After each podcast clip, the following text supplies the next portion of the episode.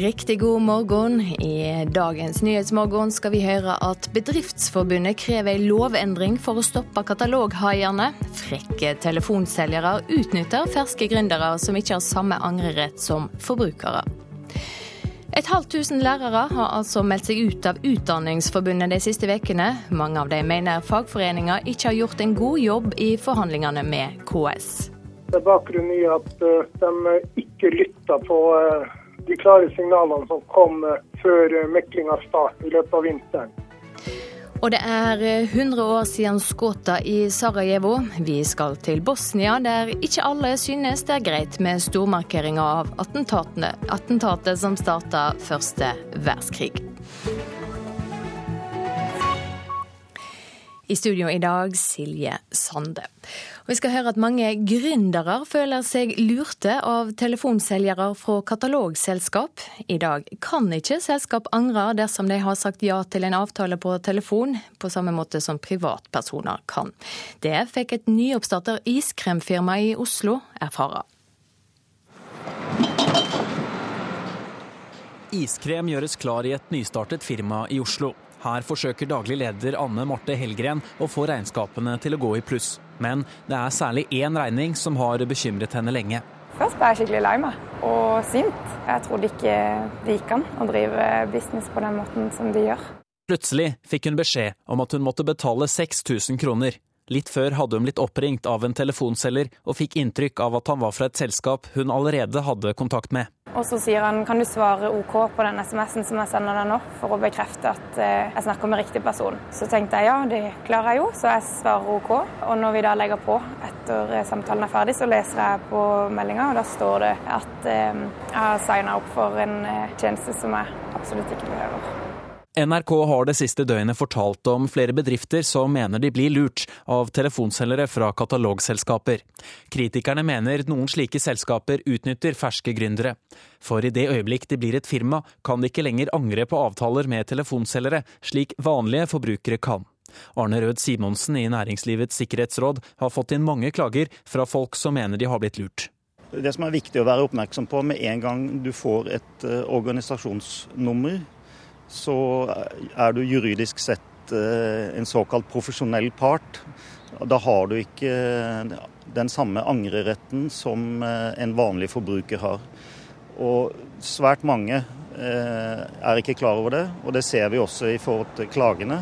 At de tror de har angrerett som en vanlig forbruker. Men det har du som sagt ikke når du får et organisasjonsnummer. Men hvorfor har man ikke det? Man stiller eh, sterkere krav til eh, såkalte profesjonelle parter. At man eh, faktisk går inn og leser avtalevilkår og setter seg inn i det. Det er en forventning til profesjonelle parter.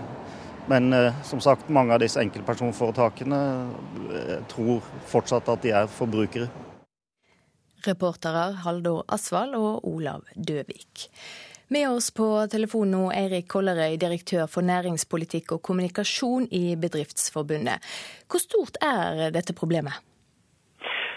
Ja, Det er et stort og økende problem. Vil anslå at uh, disse useriøse aktørene omsetter for uh, to- til tresifrede millionbeløp hvert år. og Eh, vi får daglige henvendelser til oss om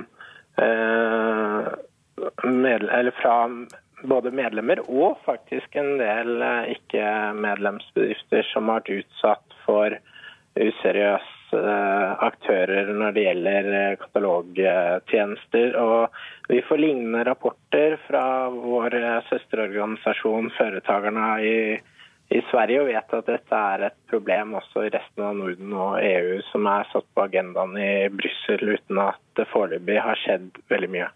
Men har ikke bedriftene sjølve et ansvar for å sjekke de selskapene de inngår avtaler med? Jo, helt klart. Det som er litt spesielt allikevel i disse sakene, og som gjør at man kan forstå at eh, en del er utsatt for de, er at når de eh, ringer, så er det mange som eh, enten later som du allerede er eh, kunde hos de, eller bruker et navn til forveksling likt de mer seriøse aktørene, og som faktisk tegner deg som kunde til tross for at du bare har sagt ja til å motta et tilbud. Så det er litt ulike type situasjoner eh, hvor man kan dele hovedsakelig i to. Det ene er der hvor det egentlig ikke er inngått en avtalebinding. Der eh, kan man påberope seg det hvis man først får nøstet opp i hva som egentlig har skjedd. Eh, da er det bare dokumentasjonen utfordringen, og det er de tilfellene hvor man for så vidt har inngått en avtale, men hvor det er ting med markedsføringen uh, og, og, måten dette har skjedd på som gjør at uh, man kan si at man burde hatt den samme beskyttelsen som en forbruker, f.eks. For enkeltpersonforetak som er relativt nyoppstartet. Det er ikke like stor grunn til å være så strenge med de. Ja, kort til slutt, eh, Hva bør gjøres for å gi bedriftene bedre vern? Vi syns det aller viktigste er å se på en eh, angrerett for eh, enkeltpersonforetakene. Og eh, man får se om det også bør gjelde for aksjeselskapene akkurat når det gjelder dette med kjøp av katalogtjenester på telefon. Og det andre er å informere bedre når selskaper registrerer seg enn det som skjer i dag. For dagen etter du har fått et organisasjonsnummer, så begynner det å ringe. Takk skal du ha for at du var med, Erik Kollerøy fra Bedriftsforbundet. 500 lærere har meldt seg ut av Utdanningsforbundet i løpet av fire uker. Mange mener fagforeninga deres rett og slett ikke har kriga godt nok mot arbeidsgiveren KS i striden om tvungen kontortid. Leder Ragnhild Lid i Utdanningsforbundet vedgår at enkelte medlemmer ikke er nøgde.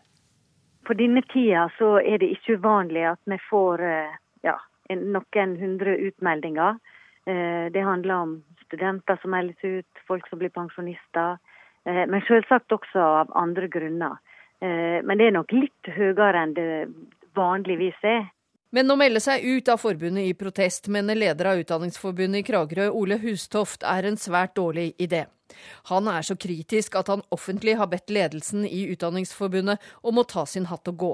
Å melde seg ut av en fagforening, det er å gå eh, arbeidsgivers ærend. I dette tilfellet så ønsker selvfølgelig KS at Utdanningsforbundet gjerne må miste noen medlemmer og bli litt svakere. Så jeg syns det er en, den dårligste løsningen av alle løsninger, det er å melde seg ut. Det er det bare arbeidsgiver som klapper i hendene for. Lærerne stemte ledelsens anbefalte forslag til ny lønnsavtale ned, og dermed er lærerne i streik. En av dem er Pål Are Våren. Jeg kommer til å gjøre alt jeg kan for at denne streiken skal bli effektiv, og at det skal komme et godt resultat ut av det, uansett hva det måtte bli. Ungdomsskolelæreren ved Sandbakken i Rælingen i Akershus vurderer likevel å melde seg ut av Utdanningsforbundet og inn i Skolenes landsforbund til høsten. Det er ikke sikkert at det er så mye bedre, men jeg har lyst til å markere at uh, en ting er at Utdanningsforbundet sa ja og anbefalte forslaget, men jeg reagerer eh, vel så sterkt på måten de gikk ut for å overtale, skråstrek, uh, få medlemmene til å stemme ja. Og Da tenker jeg også hvordan uh, fylkesledere og høyere tillitsvalgte ble brukt for å overtale medlemmer. Han er en av flere som er sterkt kritisk til ledelsen, etter at de gjennom fire uker oppfordret medlemmene til å stemme ja til forhandlingsresultatet med KS. Med bakgrunn i at uh, de ikke lytta på uh, de klare signalene som kom uh, før meklinga starta i, i, i løpet av vinteren. Reportasjen var laga av Hedvig Bjørgum, Halvard Norum og Astrid Randen. Du hører på Nyhetsmorgen. Klokka er straks 13 eh, minutter over sju, og dette er hovedsaker hos oss. Alle virksomheter bør få angrerett på avtaler med telefonselgere for katalogselskap. Det mener Bedriftsforbundet, som krever en lovendring. Og et halvt tusen lærere har meldt seg ut av Utdanningsforbundet i løpet av den siste måneden. Om litt skal vi høre at det er enorm interesse for symjekurs i Tromsø. Nå dobler Symjeaksjonen kurstilbudet der.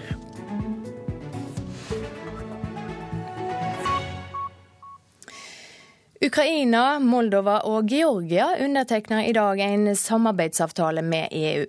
Og europakorrespondent Åse Marit Befring, hva går denne avtalen ut på?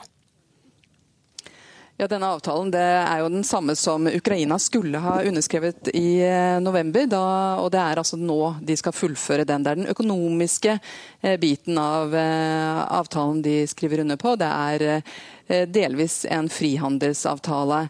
Eh, og president Petro Porosjenko har i forkant av eh, signeringen kalt dette både en seier og et første steg på veien til å bli med i EU.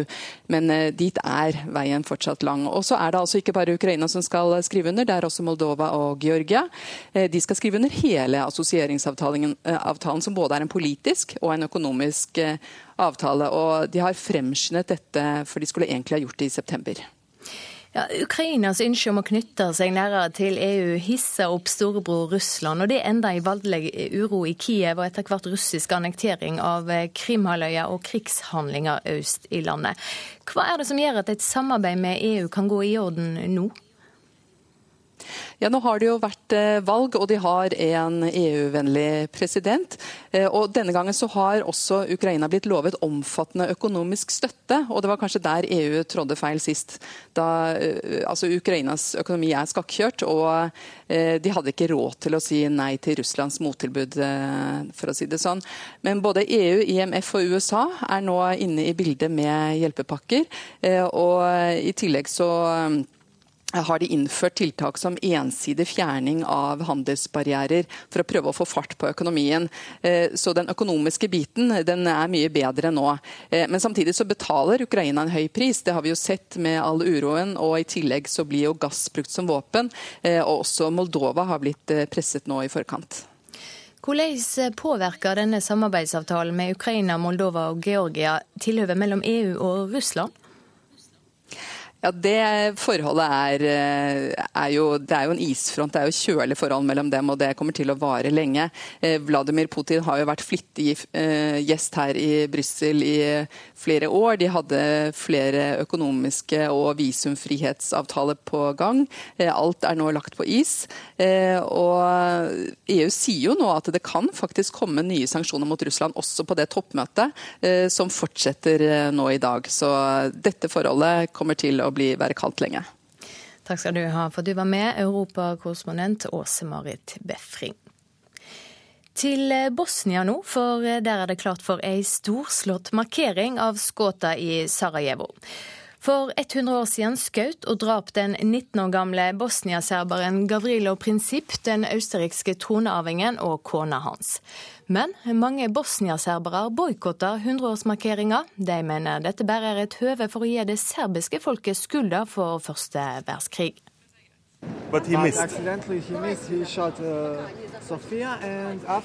Attentatmannen bomma, forteller en tilsatt ved museet som ligger ved gatehjørnet, der 19 år gamle Gavrilo Prinsipp avfyrte de dødelige skuddene mot hertugparet. Han mente ikke å drepe hertuginne Sofie. Det beklager han også under rettssaka, forteller kuratoren. I morgen er det 100 år siden de fatale skuddene i Sarajevo. Attentatet som utløste første verdenskrigen. Og det er kø av folk utenfor museet. Presse, turister og hobbyhistorikere. Boris Dittrich er en av de mange nysgjerrige. Well, because it started the First World War, and so it's a very important place to be. I work for Human Rights Watch, so you know, assassinations is part of our work, of course. Men en hobbyhistoriker fra New Zealand er ikke samd med mannen fra Human Rights Watch. Han mener krigen var uunngåelig. Sterkere krefter enn en 19-åring sto bak. Very often that have whole sets of um, troops moving already on the railway carriages, and it was just too late to stop. Soldatene var allerede på vei til fronten, mener den historieinteresserte newzealenderen. Og mange Bosnia-serbere føler seg som syndebukker for første verdenskrigen, og de mener minnemarkeringa i morgen er ren vestlig propaganda. Den serbiske statsministeren kommer ikke til Sarajevo. Han vil heller reise til ei alternativ markering i byen Visegrad, der attentatmannen Prinsipp vil bli hylla som en fridomshelt. Ved Litteraturmuseet i Sarajevo ønsker en tysk diplomat ungdom fra Europa og USA velkommen. So please, just get going. De skal delta i et fredsseminar i regi av EU og den tyske ambassaden. I ei veke skal de diskutere fred og dialog med attentatet på erkehertug Frans Ferdinand som bakteppe. Is there any Serbs here? I don't. I don't know. I'm. Uh, I mean, there's got to be. A good question. To be honest, I don't know. Ja, Reporter i Sarajevo, Roger Severin Bruland. Og du er med oss nå, Roger. Kommer det serbere på minnemarkeringa i morgen? Ja, nå står jeg og ser ned mot uh, det historiske rådhuset her i Sarajevo, der Wien-filharmonikeren skal spille i morgen. Samtidig har vi fått vite at uh, presidenten i Serbia har avlyst fordi at det er noen som ingen vet helt hvem er, som har hengt opp en fornærmende plakett på det her rådhuset der serberne blir skylda for folkemord i Bosnia. Statsministeren i Serbia kommer heller ikke. Han skal til et konkurrerende arrangement i byen Visegrad, der det skal heidre denne attentatmannen sammen med denne kjente filmregissøren Emir Kosturica, som, som vant Gullpalmen på 90-tallet, og, og, som også er en serbisk nasjonalist. Så her ser det ut, iallfall på offisielt hold, at både bosniaserberne og, og, og fra Serbia sjøl at de vil holde seg unna dette arrangementet. Hvorfor er synet på attentatmannen så ulikt? Ja, For serberne så blir jo han sett på som en, en freedom fighter. Han han skjøt denne erkehertugen som representerte koloniherrene, altså herrefolket fra, fra Østerrike. Og satte i gang denne uavhengighetskampen som gjorde da disse her Balkan-nasjonene til egne uavhengige stater. Samtidig så vil en jo fra både bosnisk og, og kroatisk side kanskje se på han som en terrorist, for mange frykter jo at at uh, hans agenda var at disse her Balkan-nasjonene da skulle bli en, en, del av et Stor-Serbia. Og så er det jo sånn nå i Bosnia, uh, det er jo valgår, at en tolker jo det som fanden tolker Bibelen. at at en nytolker jo denne historien, bruker den politisk nå når en går ned i disse her eh, valgskyttergravene. Slik, og, og, det gjør jo det her arrangementet eh, ekstra vanskelig å arrangere. Ja, Vi hørte at du møtte unge fra Europa og USA som er kommet til Sarajevo for å delta på fredsseminar. Hvor mye kan de om første verdenskrig, som altså starta for 100 år siden? Det var ikke så fryktelig mye. Dette er jo et arrangement som er sponset av EU, fransk og tyske ambassaden. Jeg snakket med flere ungdommer som lurte. Først så spurte jeg jo litt om første verdenskrig. De hadde ikke så mye greie på det. Og så spurte de litt om hva de skulle gjøre på det. For det skal jo være seminarer og ulike arrangementer neste uke. Og de var ikke helt sikre på hva, hva, de skulle gjøre, eller hva de skulle snakke om. Og det har jo vært litt symptomatisk, for hele denne markeringen har jo diskutert og, og krangla nå i mange år om hva slags natur og hvordan en skulle markere det her attentatet. Og Det er jo klart at det, det gjør det jo ekstra vanskelig når en er så uenige om hvordan en skal tolke betydninga av det. Så eh, Sånn sett så eh, er det jo litt uheldig og litt trist at eh, at den folkegruppa som, som blir representert av, av attentatmannen, at de eh, holder seg store, store deler unna arrangementet. Takk skal du ha for du var med oss, Roger Severin Bruland.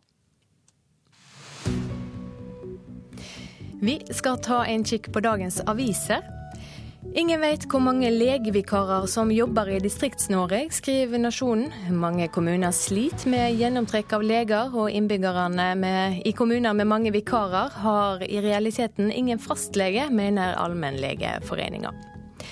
Blå-blå gave til de aller rikeste, skriver Klassekampen. De 1000 rikeste her i landet har ifølge avisa fått en kvart million kroner mer etter at Erna Solberg danna regjering. Kunnskapsministeren må skaffe seg mer kunnskap når han advarer mot for mye kos på skolen de siste ukene før sommerferien. Det mener lektor Sissel Lea Heggernes. Hun sier til Dagsavisen at sosiale aktiviteter ofte er helt nødsynte for å skape et trygt og godt læringsmiljø. Torsk med tarepesto, rødalgepasta og tareis ligger på tallerkenen hos Sunnmørsposten i dag, når Klippfiskakademiet og partnere utvikler nye matretter av tang og tare. Dagbladet tar for seg det avisa kaller Siv sitt knallharde oppgjør med Jonas. Siv Jensen glemmer ikke Arbeiderpartiet sine advaringer mot Frp i regjering. Først var det demonisering, så var vi evneveike, sier hun til avisa. Nå tar partilederen ferie med gode terningkast og skryt fra politiske kommentatorer. Finansmannen Kristen Sveås pryder førstesida til Dagens Næringsliv i dag. Han snakker om striden med tidligere Orkla-sjef Jens B. Heierdal, kjøpet av homomagasinet Blikk og bråtet med egen familie.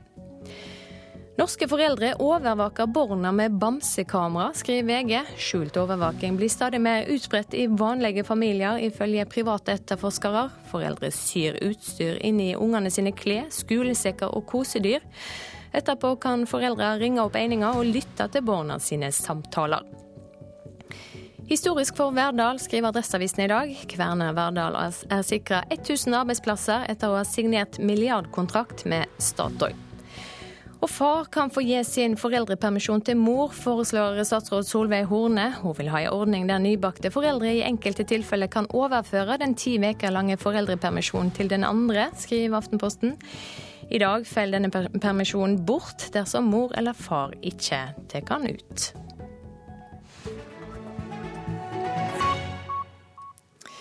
Hjelms gate 3 i Oslo har vært ei legendarisk adresse for anarkister og motstrømsfolk i over 40 år. Gateavisa holder til her. Det gjorde også det første homopolitiske bladet i Norge, Supergutt. Det er mye historie som gikk opp i flammer i går kveld, sier en av pionerene i Gateavisa, Christian Vennerød. Dette er jo et eh, hus eh, som ble bygget for noe sånt som 140 år siden, og det har jo da huset eh, de siste 44 årene Norges eh, anti-autoritære brigader. I Hjelmsgate 3 kunne du også spise biodynamiske grønnsaker på 70-tallet i en alternativ kafé. Vi jobber uten sjefer, men også uten eh, andre til å gjøre grovarbeidet for oss. F.eks. på spisestedet så må jo da alle være med på å vaske trappen og doen og gulrøttene og potetene og det, alt det kjedelige og dumme arbeidet som man vanligvis bare setter bort til noen. Bente Westergård forteller om arbeidskollektivet i Hjelms gate i Ungdommens radioavis i 1977. Gjør det slik som vi liker det, da, da liker vi oss, altså. Eh, en del borgerfruer vil sikkert ikke like seg her.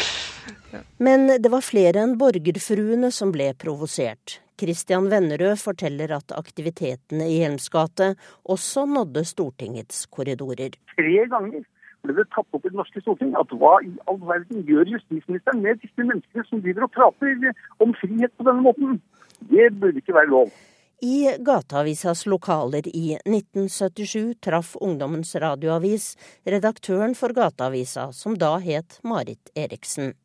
Ja, vi er vel eh, Du kan kalle oss et organ for antiautoritære strømninger i landet, pluss at vi prøver å ta opp ting som andre massemedier tar opp, på en annen måte og gi det nye innfallsvinkler, være et eh, debattorgan. Pluss at vi skulle ønske vi var litt mer, eh, drev litt mer, fikk tid til å drive litt mer kritisk journalistikk enn det vi gjør i dag. Og samfunnskritisk, altså. Ja, Det 140 år gamle trehuset sto på Byantikvarens liste over verna bygninger. Reporter Tone Staude. Fram til mai i år har det vært flere drukninger enn på samme tidspunkt i fjor. I løpet av 2013 døde 119 mennesker her i landet av drukning, nesten dobbelt så mange som året før. Nina Mo Nilsen i Røde Kors opplever stor interesse i Tromsø for å delta på Symja-aksjonen. Ja, Vi vet at eh, det er større behov for det blant flyktninger og innvandrere enn norske. Og blant eh, flyktningfamiliene som jeg jobber spesielt mot, så kan jo ofte ikke foreldrene heller svømme. Så da er det jo ikke så lett for foreldrene å ta med seg barna sine, sånn som kanskje vi tenker at eh, norske foreldre kan gjøre. da. Det er Gjensidigestiftelsen og Norges svømmeforbund som står bak svømmekursene. I år var det så mange som meldte seg på at de bestemte seg for å starte to nye kurs for at alle som ville lære å svømme, skulle få muligheten. Asha Isak Aden har tatt med seg datteren Timira på svømmekurs. Selv kan hun ikke svømme. Hvis hun detter i vannet f.eks., jeg kan ikke være redd for jeg kan ikke sjøl svømme. Jeg vil at hun skal lære seg ikke bli som samme. Nina Mo Nilsen i Tromsø Røde Kors håper at svømmekursene vil forhindre flere drukningsulykker i fremtiden. Kursene går ut til alle som trenger å bli trygge i vann og trenger å lære å svømme. Så de er åpne for alle i Tromsø by. Vi ønsker spesielt å nå ut til flyktninger og innvandrere og asylsøkere og ja, mennesker som ikke har like mange muligheter som andre som bor i byen. Det sa Nina Mo Nilsen i Tromsø Røde Kors. Produsent for Nyhetsmorgen i dag, Kari Bekken Larsen. Programleder Silje Sande. Straks er Turi Grønbekk klar med Dagsnytt.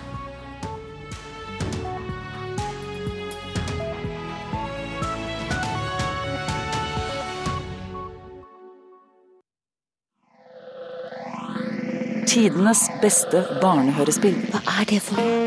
Det er en tordivel. Vi har ikke tid til tordiveler nå. Jo, det har vi. Annika, kom hit. Tordivelen flyr i skumringen.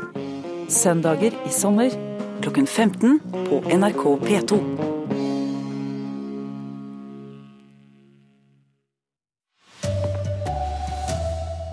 Kataloghaiene må stanse, skrev Bedriftsforbundet, som vil ha angrerett på telefonsalg. Midt under lærerkonflikten melder hundrevis av lærere seg ut av fagforeningen. Og EU er omstridt i Ukraina, men i dag knytter landet tettere bånd til Europa. Her er NRK Dagsnytt klokken 7.30.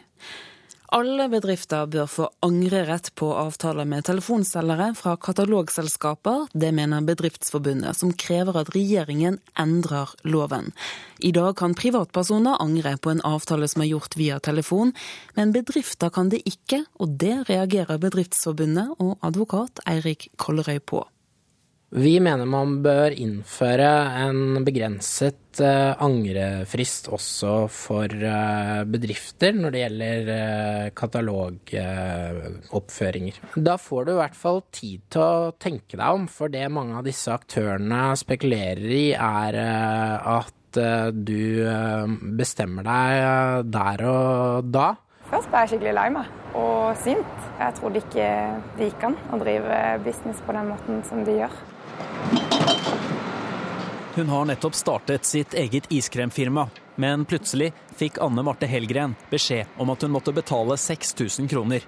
Litt før hadde hun blitt oppringt av en telefonselger og fikk inntrykk av at han var fra et selskap hun allerede hadde kontakt med. Og så sier han kan du svare OK på den SMS-en som jeg sender deg nå, for å bekrefte at eh, jeg snakker med riktig person. Så tenkte jeg ja, det klarer jeg jo, så jeg svarer OK.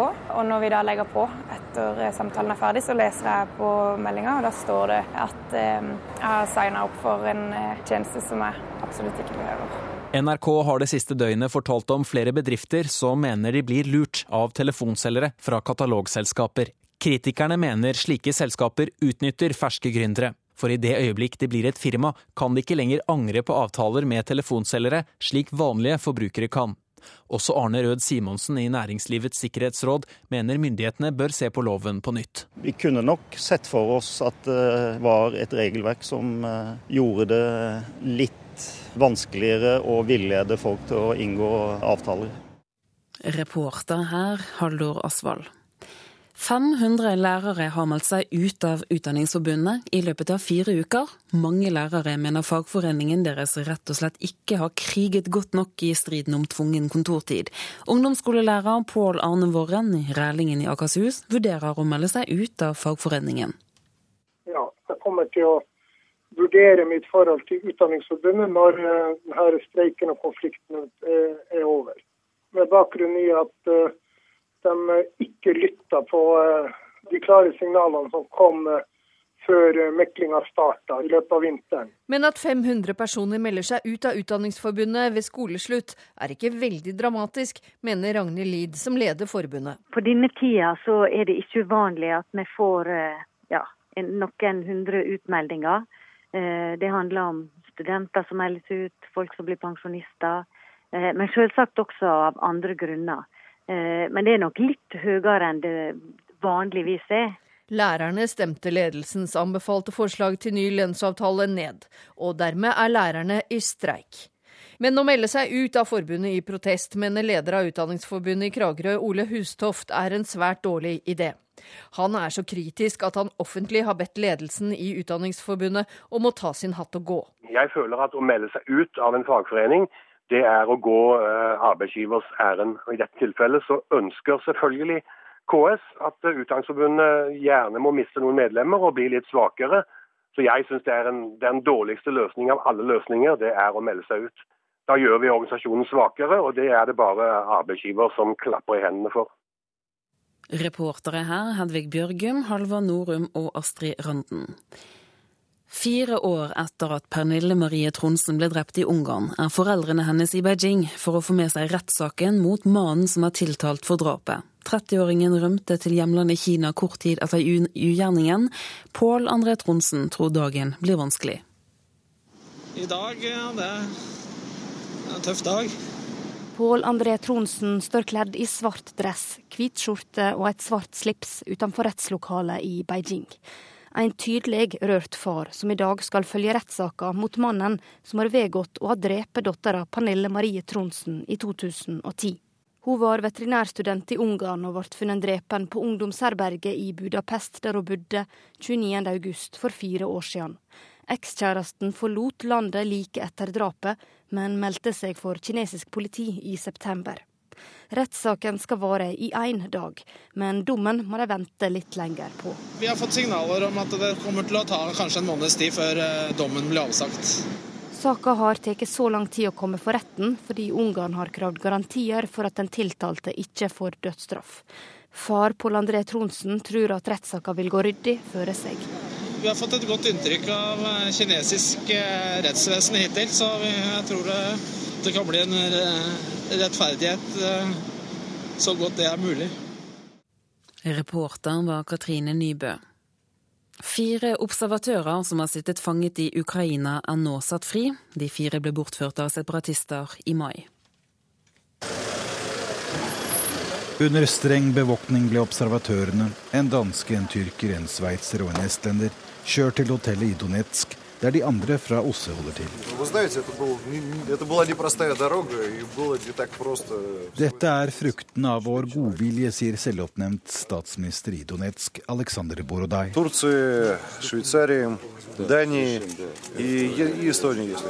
I kveld klokken ni løper våpenhvilen i Ukraina ut. Men partene er blitt presset til fredssamtaler senere i dag. En fredsplan kan bare lykkes med støtte fra russerne, som blir bedt om å slutte å forsyne opprørerne med våpen.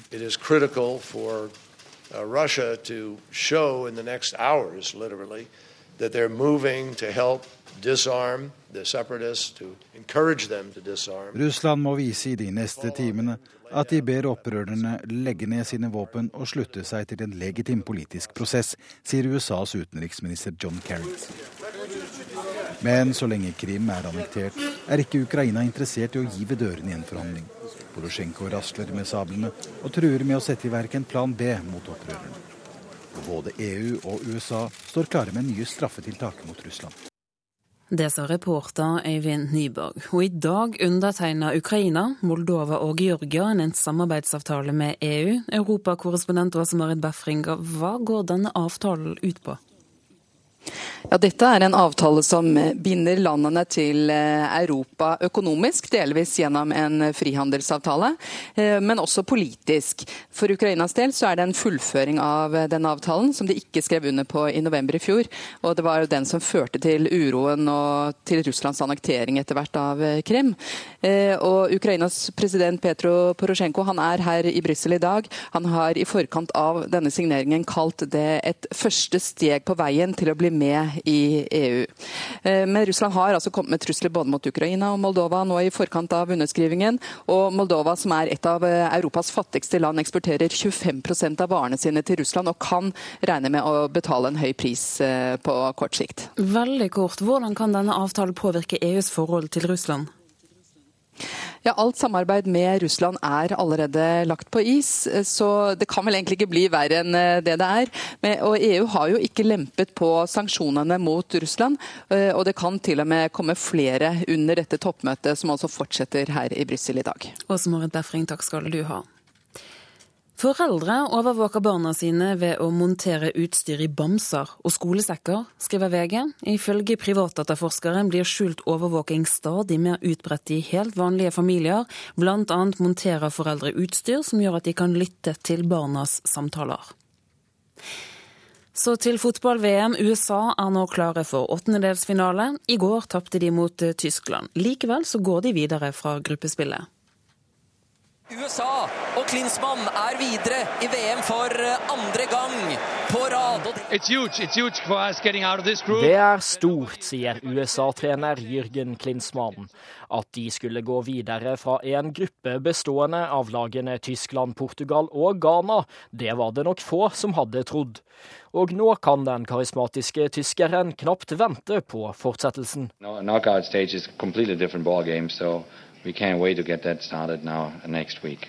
Midtbanespiller Kyle Beckerman ser også fram mot åttendelsfinalen, hvor USA møter VM-outsiderne Belgia. Extremely good team. Uh, got a ton of great players that play all over the world at some big clubs. It's a game that two teams got to go out and play, and so we feel like we got a chance, and uh, with the chance, we're going to go give everything. Reporter Henrik Agledal. Det ansvarlige for sendingen Elin Pettersen. Hans Ole Hummelvold har hatt ansvaret for teknikk. Her i studio, Turi Grønbøk.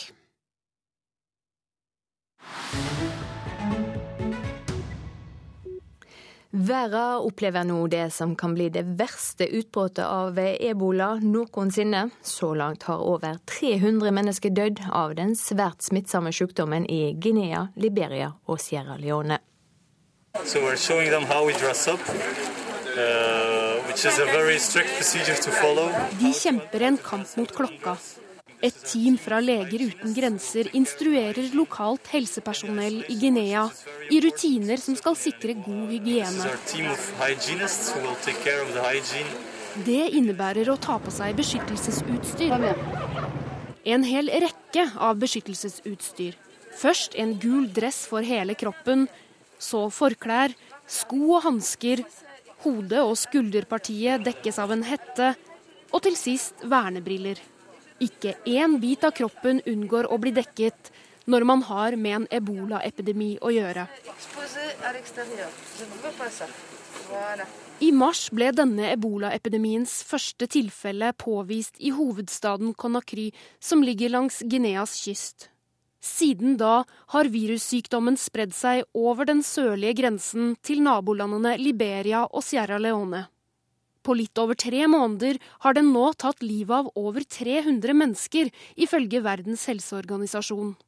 I tillegg er ytterligere 600 smittet. Kvinnen fra Guinea forteller om sin datter, legestudenten på sjette året, som er svært syk med ebola.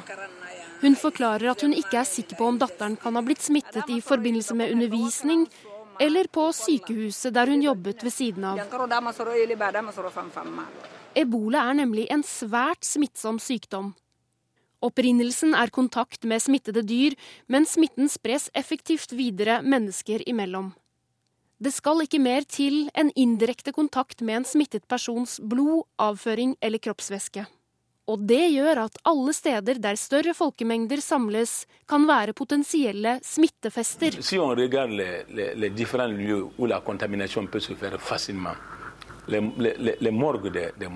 Doktor Dlakite leder Guineas arbeid mot ebola. Han forklarte til nyhetsbyrået Reuters i slutten av mai hvor vanskelig sykdommen er å kontrollere. Selv om de har satt i gang smitteverntiltak direkte mot miljøer der de vet det er smitte, så er ikke det tilstrekkelig. Moskeer og busstasjoner er eksempler på steder som har unngått smitteverntiltak der smitten vandrer lett. Leger uten grenser jobber med utvidelse av det midlertidige isolatet de har satt opp ved et sykehus i Guineas hovedstad. Sykdommen er nå påvist på 60 forskjellige steder i de tre vestafrikanske landene som er rammet. Siden utbruddet i mars har sykdommen blitt spredd til et større område, smittet flere mennesker og tatt flere liv enn tidligere utbrudd. Really I. I mean, in other missions, I can I could make jokes about septic tanks. Uh, uh, with, with Ebola, once you've seen a dead Ebola patient, uh, Når du har sett noen dø av ebola, det kan du ikke spøke med, det er tøft, sier Mikael Papageorgio, som jobber ved isolatet for Leger uten grenser. Organisasjonen sier nå at deres kapasitet er sprengt, og at situasjonen er kommet ut av kontroll. De ber om at flere hjelpeorganisasjoner og myndigheter må mobilisere. Ebola kan ha en dødelighetsrate på opptil 90 Det haster med å bremse smitten. Det sa reporter Hilde Sveig Kolstad. Du hører på Nyhetsmorgen. Klokka er eh, straks 7.45. Hovedsaker hos oss nå. Frekke telefonselgere og kataloghaier må stoppes, mener Bedriftsforbundet. De vil ha en lovendring som gir bedriftene samme angrerett som forbrukerne. 500 lærere har meldt seg ut av Utdanningsforbundet i løpet av den siste måneden. Og i dag undertegner EU samarbeidsavtaler både med Ukraina, Moldova og Georgia.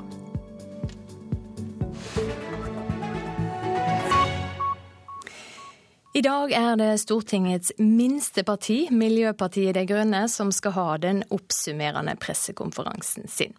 Velkommen hit, stortingsrepresentant Rasmus Hansson. Mange takk. Du kom litt heseblesende inn i studio. Jeg trodde du sykla overalt, jeg, som miljøperson. Ja, da ville jeg i hvert fall vært heseblesende. I dag har jeg hatt venner på besøk, kjørt leiebil og kjørt feil. Så derfor så hadde jeg litt dårlig pust da jeg kom inn. Men nå går det bra. Eh, velkommen til oss. På enkelte meningsmålinger har Miljøpartiet De Grønne vært større enn SV og nesten like store som Venstre. Hvor mye svekker det miljøkampen at tre partier slåss om de samme velgerne? Det styrker miljøkampen at det kommer sterkere miljøstemmer eh, inn på Stortinget. For det første så setter Miljøpartiet De Grønne en eh, ny miljøagenda. Det er jo ikke noe som helst tvil om at eh, miljøprofilen på Stortingets debatter og, og saker har løftet seg med oss. Dessuten så trekker vi med oss eh, og utfordrer alle de andre partiene. Så ikke bare er det andre partier, eh, de andre grønne partiene, eh, måttet skjerpe seg. Men også Høyre og ikke minst Arbeiderpartiet, som nå er veldig i tenkeboksen når det gjelder miljø. Så dette svekker ikke, det styrker miljøkampen. Så du ser ingen fare i at det konkurrerer ut det andre miljøpartiet? Jeg ser ingen fare i at vi mobiliserer miljøvelgere, og det er det vi gjør. Eh, I andre land, som f.eks. i Sverige, hvor Miljøpartiet De Grønne er det tredje største, der er det også andre partier, eh, de samme partiene som i Norge, som eh, lever videre. Men det får jo være opp til det enkelte parti hvor tydelig miljøprofil de vil ha. Og når velgerne jo altså ser ut til å strømme til oss, så betyr jo det at de vil ha en kraftig miljøpolitikk, og det må være bra for alle. Det ønsker å avvikle oljevirksomheten. Hvordan har eh, det tenkt å skaffe arbeid til alle de som i dag er sysselsatte innen eh, denne bransjen? Ja, For det første så er jo hovedsvaret på det spørsmålet at oljevirksomheten kommer til å bli avviklet. Vi kommer til å måtte skaffe alle de arbeidsplassene. Eh, vi kommer til å måtte bygge det bærekraftige samfunnet. Og Den eneste forskjellen mellom Miljøpartiet De Grønne og de andre partiene, er at vi vil sette i gang med den jobben nå mens vi er på topp. Mens vi har maksimalt handlingsrom. Og, og, før vi blir truffet av en nedgangsbølge som gjør at handlingsrommet minker. Og så har vi jo eh, for det første gjennom oljevirksomheten vist at vi er i stand til å bygge opp nye næringer i Norge. Eh, og for det andre så vet vi altså at det finnes en bråte med næringsgreiner i Norge og i andre land. Innafor landbruk, innafor fiskeri, innafor moderne bruk av havets ressurser, og innafor høyteknologi og innafor undervisning og helse osv., hvor Norge har masse å fare med. Eh, og et veldig godt grunnlag for å bygge uh, nye arbeidsplasser. Så problemet er ikke mulighetene, problemet er satsingsviljen og handlingsrommet. Og at i dag så går hoveddelen av norsk satsingsvilje fortsatt til å holde liv i oljevirksomheten, og det mener vi er feil. Så er det slik at det ønsker et samfunn der folk har mer tid til hverandre, i stedet for å jage etter et meningsløst forbruk, slik det står på hjemmesida deres. Kan du fortelle hva som er et meningsløst forbruk? Et meningsløst forbruk er å ha flere mobiltelefoner enn man får brukt, og flere, eh, flere, dingser og større plass i huset sitt enn man eh, strengt tatt har eh, bruk for. Og framfor alt er et meningsløst forbruk et en, en, spiral hvor man jobber eh, veldig mye eh, for å skaffe seg veldig mye, og ender opp med ikke verken ha tid til å bruke det, eller å ha tid til de tingene som alle, når de lener seg litt tilbake i stolen, vet at har størst verdi, nemlig Eh, å være sammen med hverandre, å være skapende og engasjere seg osv. Vi er jo overhodet ikke mot arbeid.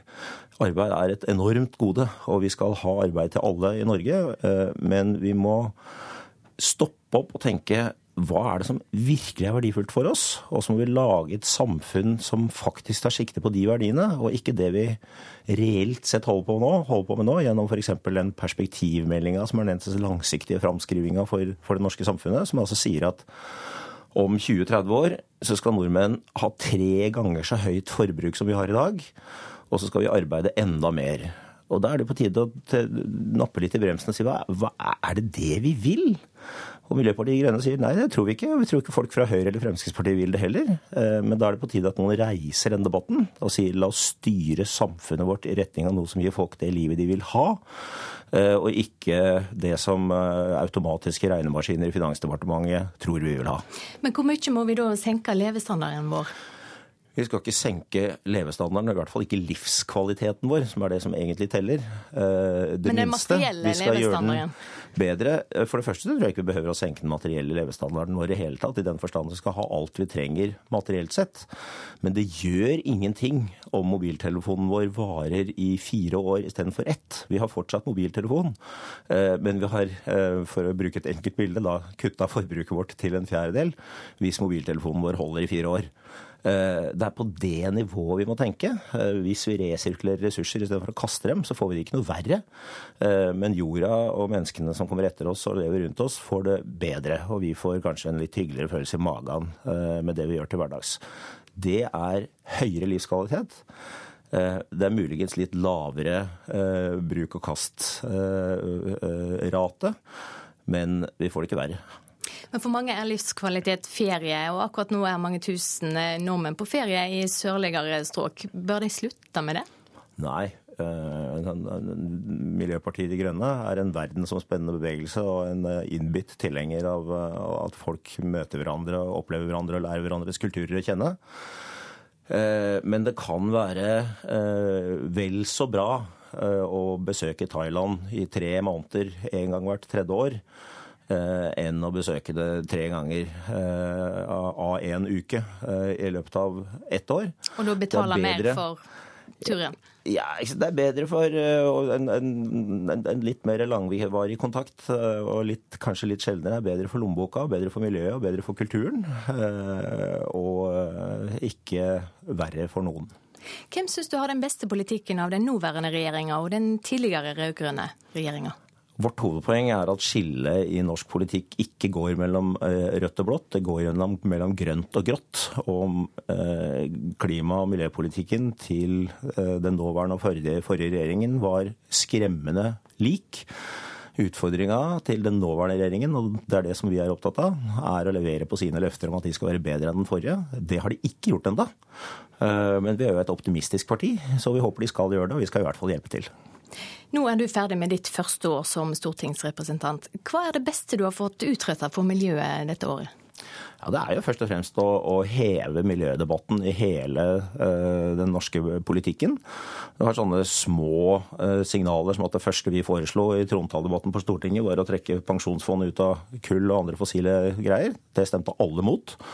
Par måneder etter stemte, foreslo SV det samme. Da var det eh, SV og vi som stemte for. Og noen uker etter så foreslo Arbeiderpartiet det samme, og da var det plutselig flertall for å trekke oljefondet ut av kull på Stortinget. Nå feiga Venstre og Kristelig Folkeparti ut etterpå.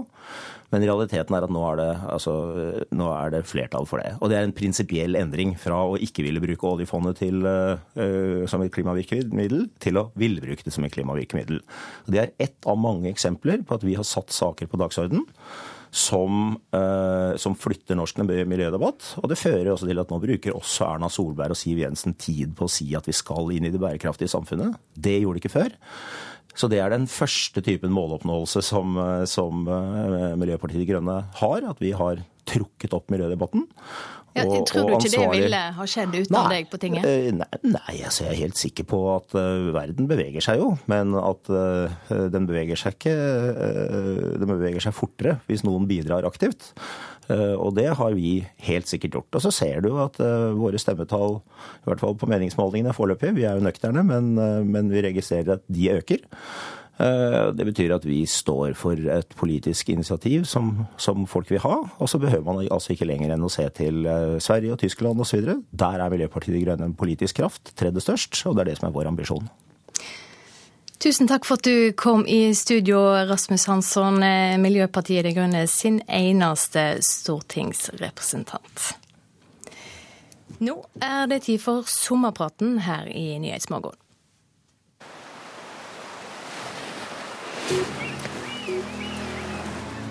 Sommerserien i Nyhetsmorgen. Jeg heter Siv Jensen og er finansminister og leder i Fremskrittspartiet.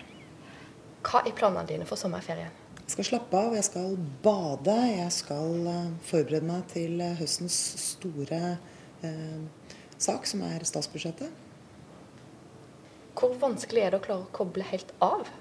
Ja, det er veldig lett. Med en gang? Nei, Det tar kanskje et par dager før man lander, men eh, er, jeg er veldig god til å kose meg. Om Frp fikk rent flertall, hva hadde du da ville ha gjennomført? Hvis du må velge én ting. det er, eh, jeg tror vi ville gjennomført mye mer enn én ting. Men eh, det er foreløpig et hypotetisk spørsmål. Men OK, du kan få lov til å si flere, men hva, hva, hva ville du ha gjennomført hvis du bare hadde all makt? Nå er jeg først og fremst veldig fornøyd med at vi sitter i regjering for første gang og gjennomfører mye god Frp-politikk hver eneste dag. Det har vi tenkt å fortsette med, og derfor har jeg ikke behov for å spekulere i alternativene. Du vil ikke svare bomringer og fjerne de engang? Vi er jo godt i gang med å legge om hele samferdselspolitikken. Det blir billigere for bilistene å kjøre på norske veier, og vi får bygget veiene både billigere, raskere og bedre enn før. Så jeg mener at eh, det er et merkbart taktskifte i samferdselspolitikken som skyldes at Fremskrittspartiet sitter i regjering. Er det en spesiell person du gjerne kunne tenkt deg å hatt med i Frp? Alle som ønsker å være med i Fremskrittspartiet, er velkommen til å søke medlemskap hos oss. Hvis du kunne håndplukke en du gjerne ville ha? Jeg er glad i alle de medlemmene vi har. Jeg er glad i de velgerne vi har òg. Det må bare strømme til. Hjertelig velkommen. Hvem ville du helst vært på nachspiel med? Du, Jeg har sluttet å gå på nachspiel. Hvorfor det? Jeg er ikke så god på det lenger. Jeg blir trøtt. Hvem ville du helst vært på vorspiel med, da? Morsomme mennesker som eh, bidrar til eh, glede og latter. Tenker du på noe spesielt da? Ingen nevnt, ingen glemt. Det er mange hyggelige mennesker, til og med langt inn i andre partier, gitt, som det går an å være på vorspiel med. Og så til slutt, tjener Erna Solberg for mye? Nå er det sånn at uh, lederlønnsdebatten i Norge først og fremst har handlet om andre ting. Jeg tror de som er politikere og folkevalgte i Norge, har ikke valgt den jobben eh, pga. lønn.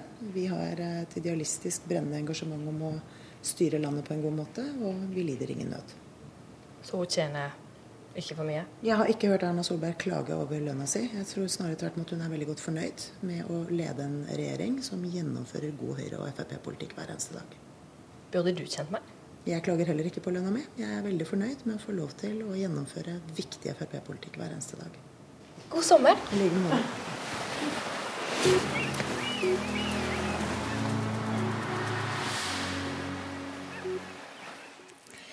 Sommerpratintervjuet var ved Ann-Kristin Listøl. Værvarselet som gjelder fram til midnatt, forteller om lange perioder med sol i Nord-Norge og store deler av Vestlandet, mens Østlandet og Telemark må regne med nye, kraftige regnbyger. Vi starter med fjellet i Sør-Norge. Der blir det lokale regnbyger og utrygt for torevær, vesentlig i ettermiddag. Få byger nord for Dovre, gløtt av sol. Østland og Telemark lokale regnbyger. I ettermiddag lokalt kraftige byger med torevær, vesentlig i indre strøk. Gløtt av sol. Agder stort sett fint vær, men lokale ettermiddagsbyger i indre strøk. Utrygt for torevær også der. Rogaland og Hordaland får stort sett fint vær, fra i ettermiddag lokale regnbyger og utrygt for torevær, særlig i midtre og indre strøk. Sogn og Fjordane nordøst, stiv kuling ved Stad. I kveld noe minkende fint vær. Fra i ettermiddag lokale regnbyger og utrygt for torevær i indre strøk.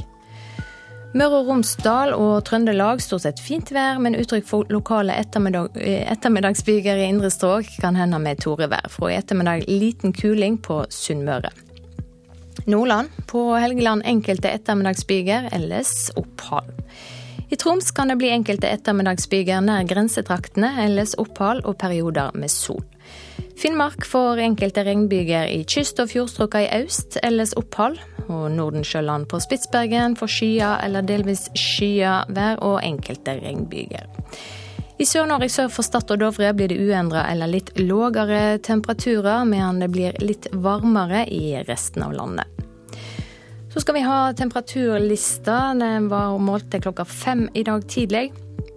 Svalbard lufthavn fem, Kirkenes fire, Vardø fem, Alta fem.